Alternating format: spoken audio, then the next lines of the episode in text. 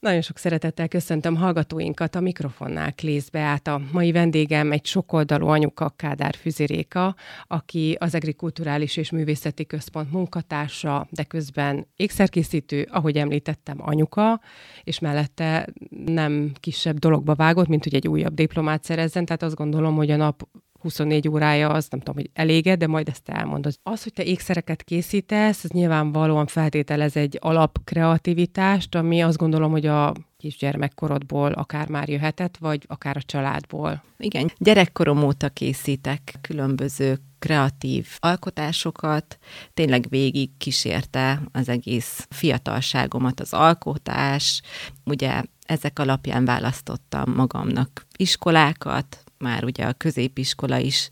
Ide jártam az EGRI Eszterházi Károly Katolikus Egyetem gyakorló iskolájába művészeti szakra, utána ugye az egyetemen kötöttem ki a rajszakon, tehát tényleg elmondható, hogy tudatosan építettem fel a karrieremet, és készültem a művészeti pályára, illetve a tanári pályára a rajszakon, ahogy most említetted már középiskolában is, meg később ugye a felsőoktatásban, ugye az ember alapvetően nem ékszereket készít, bár lehet, hogy készítettetek, ezt majd te elmondod, hanem ugye rajzolás, festészet, grafika, kerámia, szobrászat. Én ilyeneket képzelek el, de javíts ki, hogyha tévedek.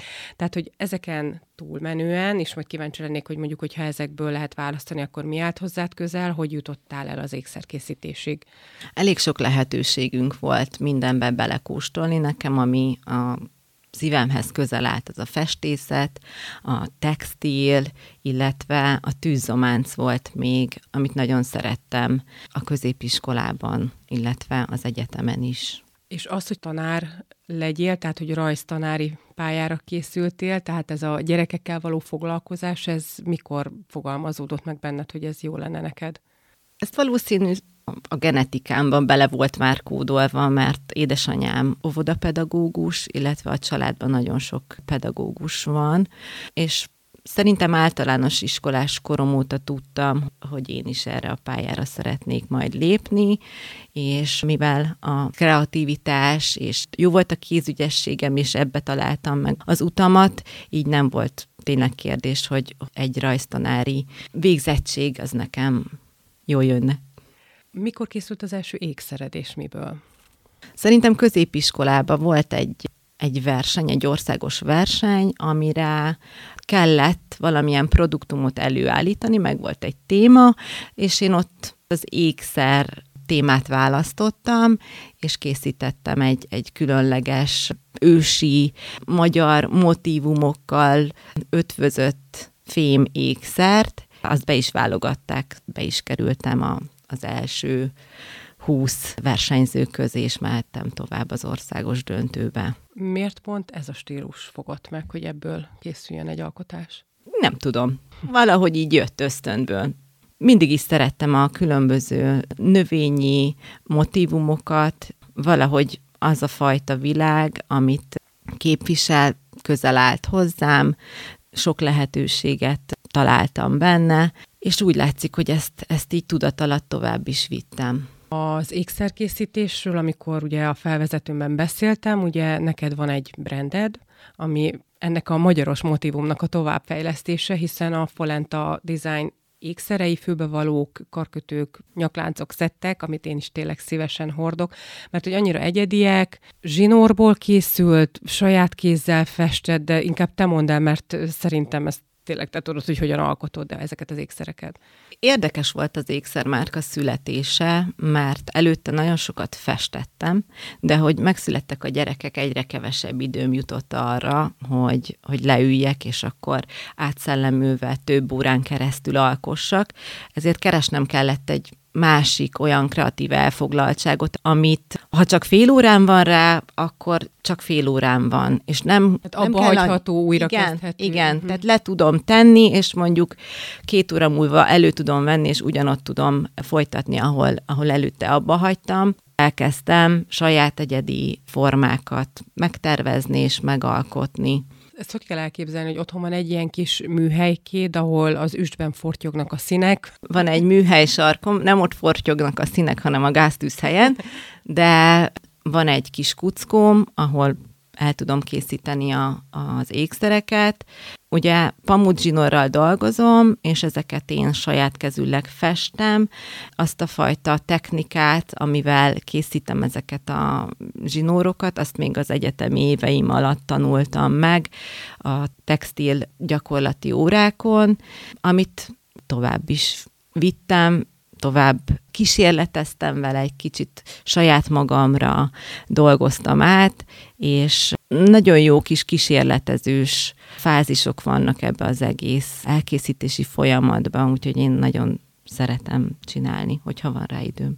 Mi a célod, amikor egy-egy ékszert elkészítesz, akár színben, akár formai világban, tehát hogy mivé változtassa a viselőjét? Nyilván szeretném, amit el is mondtál, hogy hogyha valaki ránéz, és mondjuk jobban jártas így a hazai divat világban, annak egyből eszébe jusson, hogy na, ez tuti, hogy a Folenta Design márka. Fontosnak tartom azt is, hogy, hogy a viselője szeresse az ékszereimet, tényleg forjon egybe a, a viselőjével amikor én valakin látok, most éppen ugye a te ékszereidről van szó, de tényleg egy olyan ékszert, amin úgy látszik, hogy, hogy úgy mutat valakin, hogy a nőiességet még jobban kihozza, akkor, akkor mindig arra gondolok, hogy valószínűleg a készítőjének is ez nagyon fontos, hogy tényleg a nő még inkább nővé váljon általa, és most a rádió hallgatók ezt nyilván nem látják, de hogy te tényleg egy nagyon szép, mutatós nő vagy, holott pedig most a füledben egy pici pötyfülbevaló van. Tehát, hogy akkor is azt gondolom, hogy neked is nagyon fontos a, a nőiesség és annak a megélése. Igen, részben. Tehát attól függ, hogy az ember hova készül, de én is nőből vagyok, tehát valamilyen szinten fontosnak tartom azt, hogy tudjon egy nő megjelenni. De ha úgy adódik, akkor simán elmegyek egy melegítő nadrágba, smink nélkül a boltba, tehát azért nem vagyok ennyire fanatikus.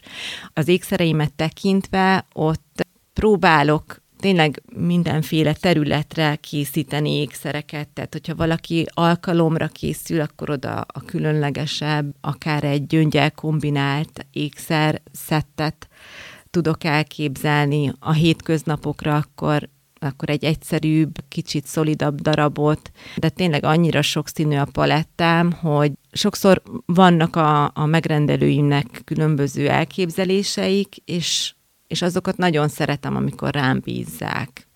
Kapok egy-két támpontot, hogy milyen színű legyen, vagy körülbelül milyen legyen a, a fazonja, de az, hogy milyen mintával vagy milyen anyaggal dolgozom, azt rám bízzák. Ahogy említettük, ugye rajszakon végeztél, időközben megszülettek a gyerekek, az Agrikultúrás és Művészeti Központban dolgozol. Alkotás, gyerekekkel való közös munka, ugye, ahogy mondtad, hogy az óvónői pályára is készültél édesanyád, mint példakép lehetett ebben. Igyekszem szerintem fontos az, hogy empatikusak legyünk a másikkal szembe. Tehát, hogy nem véletlenül kezdtem el egy, egy újabb egyetemet, vagy egy újabb szakot, egy szakirányt, mert azt látom, ez főleg a táboros tapasztalataim, hogy egyre több gyerkőcnek van valamilyen zavara, idegrendszeri sérülése, tehát akik, akik már kicsit máshogy működnek, mint a 20 30 évvel ezelőtti gyerekek. Ez a szak, amit te most végzel, és ha minden igaz, akkor idén elvégzed, illetve hát ugye már 2024-ről beszélünk, reméljük, hogy sikeresen abszolválsz és diplomát szerzel, ez a gyógypedagógia. Az, hogy te gyerekekkel akartál foglalkozni, tanítani akartál, vagy óvoda pedagógus akartál lenni, de mindenképpen ugye ezt a vonalat tovább vitted, és a másabb gyerekekkel foglalkozni. Te ezt mindig is érezted magadban, hogy neked ehhez van tehetséged, mert hogy kevesen vállalnak ilyet, én úgy gondolom. Ez kifejezetten a tábor tapasztalatai, vagy már korábban is motoszkált benned, és esetleg ott erősödött meg az elhatározás, hogy igen, téged ez, ez a terület is érdekelne? Valószínű ez önmagamból is fakad, mert én elég önbizalomhiányos gyerek voltam, illetve nyilván szorongós, picit ez a elárvult gyerek, kis csendes, és valahogy ennek az okát kutattam egy ideig, és látva azt, hogy a táborokba is vannak ilyen típusú gyerekek, akiket kicsit úgy kiközösítenek, vagy ő csak így csendesebben elül egy sarokba. Tényleg nem sajnálatból, csak egyszerűen van egy segítő szándék, és meg szerettem volna érteni azt, hogy, hogy ugye ennek mi lehet az oka, a háttere, a pszichés háttere, és részben emiatt is vágtam bele ugye a gyógypedagógia szakba, azon belül is a pszichopedagógia, illetve a tanak szakirányon vagyok jelenleg. Ez a tanulási... Tanulási akadályozottság pedagógiája, igen. Szóval részben saját magam miatt is választottam, illetve azt, hogy egyre több gyerek van, aki, aki segítségre szorul, és mivel én egy segítő típusú ember vagyok, ezért ki, ha én nem, mert ki fog rajtuk segíteni. Az előbb elhangzott ez a szó, hogy amikor kérdeztem, hogy türelmes vagy, és mondtad, hogy talán az empátia fontosabb. Tehát az ilyen gyerekekhez, hogyha tényleg a hozzájuk vezető utat kellene emberi tulajdonságokkal kikövezni, akkor az empátián túl mi az, amivel hozzájuk fordulni kell, vagy ahogy meg lehet őket szólítani? Fontos a bizalom. Egy olyan kapcsolatot kialakítani velük, hogy bízzanak benned. Tehát ez a legfontosabb, de ez mindennek az alapja. Ha egy sima általános pedagógust nézünk, ott is szerintem a tisztelet és a bizalomra épül egy jó munkakapcsolat. A szeretet, a szeretet nyelv az náluk is működik? Igen ezt nyilván nem csak tőled hallom másoktól is, hogy igen, amikor mi még jártunk iskolákba, meg valószínűleg a mi szüleink, nagyszüleink is ezt mondanák, hogyha volt egy-két renitens gyerek, akkor nem foglalkoztak vele, beállították a sarokba, kész. Lehet, hogy nem is voltak olyan problémák, de ahogy most ezt a 21. századot megtapasztaljuk, a digitális tartalmak, vagy a digitális eszközök megléte, vagy én nem is tudom, hogy mi olyan sokféle okot keres az ember, hogy mi miatt van az, hogy a gyerekek ennyire túl vannak pörögve, dűrohamok vannak, tényleg, amiket mondasz, tanulási nehézségek, és ezeken túl szerinted mi lehet az még? Mert például olyat is hallottam már, hogy mondjuk a családokban a szeretet hiánya, mint ami régen a több generációs családoknál volt, hogy tényleg mindenki együtt ült nagyszülőkkel, stb. stb. És akkor a konyhában, amíg anya főzött, addig a gyerek csinálta a leckét, hogy most akár ezek is hiányozhatnak annyira, hogy mondjuk itt tartunk. Nyilván, tehát hogy minden összefügg mindennel. Tehát akik szociálisan hátrányos helyzetből érkeznek, és amiatt van esetleg valamilyen defektusuk, nekik például az, hogyha kapnak egy kis szeretetet, azért nagyon hálásak tudnak lenni. A gyakorlataim alatt nagyon sokféle esettel találkoztam már. És nyilván vannak olyan területek, ahol nem tudnék dolgozni. Ilyen például a... Mondjuk gyermekvédelemben nem. Uh-huh. Egyszerűen ott, ott nem. Ahhoz valami olyan lelki erő kell, amihez szerintem az ember, főleg már anyaként nincs annyi, vagy nem tudom. Tehát biztos, hogy valaki képes erre, de az egy olyan típusú valaki, mert nagyon sok anya ismerősöm is dolgozik ezen a területen. Ezt egy bizonyos fajta lelkülettel lehet csak csinálni. Igen. Én ahhoz gyengének tartom magam, de szokták mondani, hogy minden megszokás kérdése. Nyilván ott is vannak pozitív esetek, de amellett nagyon sok olyan történetet is hall az ember, ami szívet markoló. Az a gyerek, aki tanulási nehézséggel küzdik, az miért küzdik azzal, és hogyan lehet rajta segíteni, hogy könnyebben menjen a tanulás a, a tudományos, már általad megtanult módszerekkel? Ugye itt meg kell vizsgálni azt, hogy, hogy most tanulási nehézséggel küzd, vagy tanulási zavara van, vagy tanulásban akadályozott, tehát nem mindegy, tehát itt a fogalmakat tisztába kell előtte tenni. Nyilván, hogyha a nehézségről beszélünk, az lehet egy rossz tanulási technikának is köszönhető, vagy, vagy nyilván a szociális háttér, vagy mondjuk lassabban tanul, mint az átlag, nehezebben tanulja meg a, a tananyagot, úgyhogy az inkább egy másik terület, a tanulási zavar, az pedig ugye ide tartoznak a pszichés zavarok, illetve a hiperaktivitás, illetve a, a diszes zavarok, a diszgráfia, diszlexia, diszkalkúlia. Itt nagyon sok mindent meg kell ahhoz érteni, megvizsgálni, hogy, hogy kimondhassuk a, a helyes, vagy a megfelelő fejlesztést. az ilyen típusú gyerekeknek. Őket megtanítani lehet, vagy módszerekkel lehet segíteni arra a tanulási nehézséggel küzdő gyerekeket, hogy menjen nekik a tanulás. Tehát erre módszerek vannak. Vannak módszerek, illetve nagyon fontos a fejlesztés, és az, hogy időben megkapják. Tehát nagyon sok szülő homokba dugja a fejét. Ezt szerintem kimondhatjuk. Azt gondolják, hogy ha a gyereknek papírja van, az egy megbélyegzés? Igen. Uh-huh. És emiatt inkább sokan terelnek. Igen, csak a pedagógus egy idő után észreveszi és felhívja a szülő figyelmét, és akkor igenis elküldi a szakszolgálathoz például, én azt gondolom. Igen. Csak eltelik mondjuk x év, és addig a gyerek szenved, és sokkal több probléma elő fog állni, mint mondjuk egy diszlexia. Ezeket a gyerekeket, hogyha szerencsés helyzet van, és időben felismerik, és ugye tényleg én is azt gondolom, hogy a legfontosabb, hogy a szülő is partner legyen ebben, tehát hogy ez nem szégyen. Erről nem tehet senki, egyszerűen így született, így alakult ki bármi. Ugyanúgy senki nem tett arról, hogy ő fejfájósabb vagy fogfájósabb. Most lehet, hogy nem jó a példa, de akkor is csak ilyen profán módon tudom én ezt valahogy párhuzamba állítani. Tehát, hogyha valaki időben kap segítséget, ugye tőletek, szakemberektől, akkor mondjuk egy tanulási nehézséggel küzdő gyereket milyen szintre lehet felhozni? Én úgy gondolom, hogy ha időben megkapja a fejlesztést, akkor nagyon szépen lehet korrigálni azokat a hibákat, amik mondjuk előtte fennálltak szintén anyukatásokkal, többiekkel beszéltük, tehát mondjuk egy diszes gyerek, ez alatt ugye a diszlexia, diszkalkulia, diszgráfiát értjük, olvasás és számolás és írás nehézség.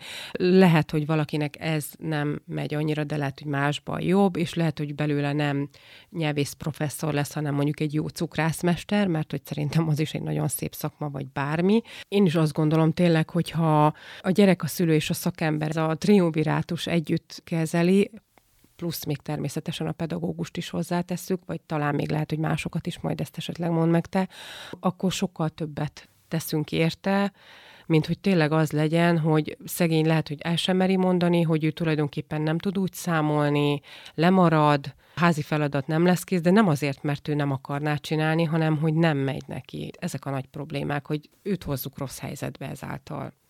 Igen. Tehát, hogy én azt gondolom, hogy ha a tanulási zavarokról beszélünk, ugye a diszekről, akkor ott ugye az a probléma nem fog elmúlni. Tehát ezt nem tudjuk meggyógyítani, de nagyon szépen fejleszthető. És hogyha papírja van erről a gyereknek, akkor nagyon sok olyan segítséget kap, ami megkönnyíti az ő tanulmányait. Mert nyilván egyrésztről több időt kaphat egy dolgozatnál, vagy mondjuk más formában Kérik kérdezhet, számon, igen, igen, kérdezhetik ki, ami nem okoz akkora szerintem stresszt a gyerekben. Amikor egy gyerek például diszes, mondjuk diszkalkuliás, most egyiket kiragadtam, akkor létezik, hogy viszont más területen ő erősebb? Persze, igen. Az, hogyha valakinek van egy ilyen zavara, az nem azt jelenti, hogy ő enyhe értelmi fogyatékos. Tehát, hogy lehet normál IQ-val is valaki... Diszkalkuliás igen, mondjuk. Igen, uh-huh. igen. Régen úgy gondolták, hogy ez csak a értelmi fogyatékosokra vonatkozik, hogy azért nem tud olvasni, azért nem tud számolni, mert ő hülye. Tehát, hogy ez, ez azért nem így van, és uh-huh. erre megkutatások is vannak, hogy, hogy azért ezt már régen megdöntöttük, ezt a fajta nézetet. És visszatérve arra, hogy te ahogyan segíted a gyerekeket a tanulmányaiddal, na most te munka, egy kis ékszerkészítés, főzés mellett hogyan tudsz időt szánni a tanulmányaidra? Tehát amikor az előbb a felvezetőmben mondtam, hogy 24 óra mennyire elegendő, a nap 24 óráját te mennyire bővítenéd ki? Még, még duplán, tehát annyi idő biztos kellene. Biztos, hogy valamit rosszul csinálok, mert olyan vagyok, mint a, az Alice Csoda országból a nyúl, aki mindig siet, és én is igyekszek mindig időben befejezni a feladataimat, de nem egyszerű azért, valljuk be őszintén, tényleg az, hogy az ember napi 8 órát dolgozik, hazamegy, megfőz, elpakol, elmosogat, és akkor még üljön le tanulni, de mellette még legyen a családdal, ugye még van egy másik hobbim is, ugye a pilates, és azért heti szinten az is kivesz még így a, az időmből. Mennyi? Hányszor tudsz egy héten elmenni így ennyi teendő mellett? Ugye a nővéremnek van egy pilates stúdiója, és neki szoktam be segíteni, és azért heti szinten az is még plusz négy-öt órát igénybe vesz, úgyhogy tényleg kicsit úgy érzem néha, mint hogyha valami rafting túrán lennék, és sose érek a végére, és mindig jön egy kanyar, és próbálunk a, a csónakban maradni. Eddig még nem burultam ki a csónakból, ha ezt vesszük, de mert kicsit várom, hogy letegyek legalább egy, egy batyut a hátamról, és egy kicsit fellélegezzek, mert tényleg ez a három évem, ez egy igazi rohanós, kihívásokkal teli időszak volt, meg még most is az. Mert ugye a, a képzés az négy éves, tehát hogy Igen. a három éven ugye túl vagy, és ugye ez az utolsó éved. Azt gondolom, hogy nem vagy egyedül, nem vagyunk egyedül, azok a anyukák, feleségek, akik ugye több helyen próbálunk helytállni. Az más kérdés, hogy mondjuk a, a munkahely meg a, az otthoni az a minimum, tehát az a két feladatkör az mindenképpen megvan, de ugye valakinek még hobbi, sport, de szerintem sokunknak van sport, neked ugye még az ékszerek mellette plusz a tanulás, tehát hogy azért ez már tényleg nagyon sok. Nagyon fiatal vagy. Az elmondott terhekhez képest, vagy feladatokhoz képest volt olyan, akár most amióta az egyetemi tanulmányokat folytatod, vagy bármikor az életben, amikor azt érezted, hogy vagy valamelyiket leteszem, mert nem jó szétaprózódni, és akkor valamelyiket is csak fél gőzön üzemeltetni, vagy egyszerűen te így vagy összerakva, hogy amúgy mindent tudsz száz százalékon teljesíteni. Sajnos nem. Úgyhogy most jelenleg a, a, az ékszermárka az, amilyen nagyon alapüzemmódban fut jelenleg. Nyilván, hogyha ismerősök megkérnek készítsek nekik ékszert, akkor elkészítem, de most nem nagyon van kapacitásom se új kollekció legyártására, illetve most tényleg kicsit, kicsit háttérbe tettem a polcra ezt a kis részemet, de, de szeretném majd újra egy picit leporolni, és, és újra alkotni valami olyat, ami még úgy nem volt. De hát ez majd a jövő. Ahogy említettem, ugye az Agrikulturális és Művészeti Központ munkatársa vagy, ugye egy közművelődési intézményben, itt is nyári táborok tudom, hogy sokszor vannak a te kezed alatt, és itt is a kreativitás megy, sőt évközben is van neked, ugye, vagy legalábbis tavaly volt a Boho Design stúdió, hova szintén alkotni vágyó gondolom elsősorban lányokat, de lehet, hogy fiúk is voltak vártál. Tehát alapvetően most elsoroltam egy-két feladatodat, de mi a te konkrét feladatod itt a forrásban, illetve a Kulturális Művészeti Központban? Jól mondtad, igen, van egy futószakköröm, ez a Boho Design, ahol fiatal lányok járnak, tehát a fiúk nem nagyon voltak még, de nyugodtan jöhetnek, tehát hogy ez nem csak a lányokról szól. Igen, tehát minden szerdán három órától öt óráig tartok egy ilyen kreatív szakkört, ahol különböző technikákat tanulunk meg a, a gyerekekkel. A korosztály elég vegyes, tehát a tíz évestől a 16 éves korig bezárólag vannak gyerekek a foglalkozáson, de ugye a szakkör mellett nagyon sok rendezvényünk van, amihez mindig csatlakozik valamilyen kézműves foglalkozás, általában annak vagyok a kolléganőmmel a felelőse, de ugye ez egy csapatmunka, tehát itt mindenkinek megvan a saját kis területe, és abban veszi ki a részét. Ugye a rendezvények mellett vannak iskolai foglalkozásaink, ahol a gyerekek különböző tematika szerint készíthetnek el dísztárgyakat. Most is jelenleg egy téli, karácsonyi tematikájú programot kínálunk az iskolásoknak. Ugye szó volt többször arról, hogy anyuka vagy, két gyermek, édesanyja egy nagyfiú és egy közepesen nagyocska leányé. Azt gondolnám, de majd megint elmondod ezt, hogy ha folyamatosan azt látják otthon a gyerekek, hogy anyuka valamit alkot, gyerekekkel foglalkozik, tanul, stb. stb., akkor ez evidencia, hogy a gyerekeid is ilyen alkotó, kreatív gyermekek? Nem. Nem. A, a lányot sem? Ő igen, ő szeret alkotni, főleg a barbiknak szeret ruhákat varni. Hogy van ruhákat? Kézzel. Kézzel. Kézzel, kézzel. Hát, hogy hány éves? Tíz. Tíz éves, tehát mondjuk a varrógép még nem, nem áll a kezében. Nem, varrógéppel még, még nem var, de kézzel nagyon szépen varrogat megtanítottam neki az alapokat, de utána már, már ő saját maga találta ki, hogy hogyan varjon össze egy kis nadrágot, vagy egy kis szoknyát. Elvonul a kis szobájába is, és ő mindig valamit csinál, uh-huh, valamit uh-huh. alkot. A fiad? Igen, ő fiú, úgyhogy ő nem nagyon alkot. A tökfaragáson kívül nem igazán láttam még öt kreatív munkában. Ő megmarad a fiús dolgoknál. Itt a forrásban, a kreatív szakkörökön és a táborokon túl, mint közművelődési munkatárs azért vannak feladataid. Persze, tehát ugye a rendezvényeket, amiket megszervezünk, azért annak van egy elő készültsége, egy elő munkája, illetve most fut egy paramentes szülők akadémiája, ahol kifejezetten a szülőknek próbálunk segíteni, és olyan szakembereket hívunk le, akik a gyereknevelésben, vagy pontosan, hogyha van valami probléma, akkor a szülő bátran tudjon segítséget kérni, vagy kicsit jobban belelásson ebbe a gyerekkorba, hogy milyen problémákba ütközhet bele. Úgyhogy ez egy nagyon új keletű sorozat, októberben indítottuk, most vagyunk túl a második előadáson, Vida Ágnes volt a vendégünk, januárban fogjuk folytatni, akkor Kádár Anna Mária lesz, tehát itt tényleg próbáljuk körbejárni az egész gyerekkort.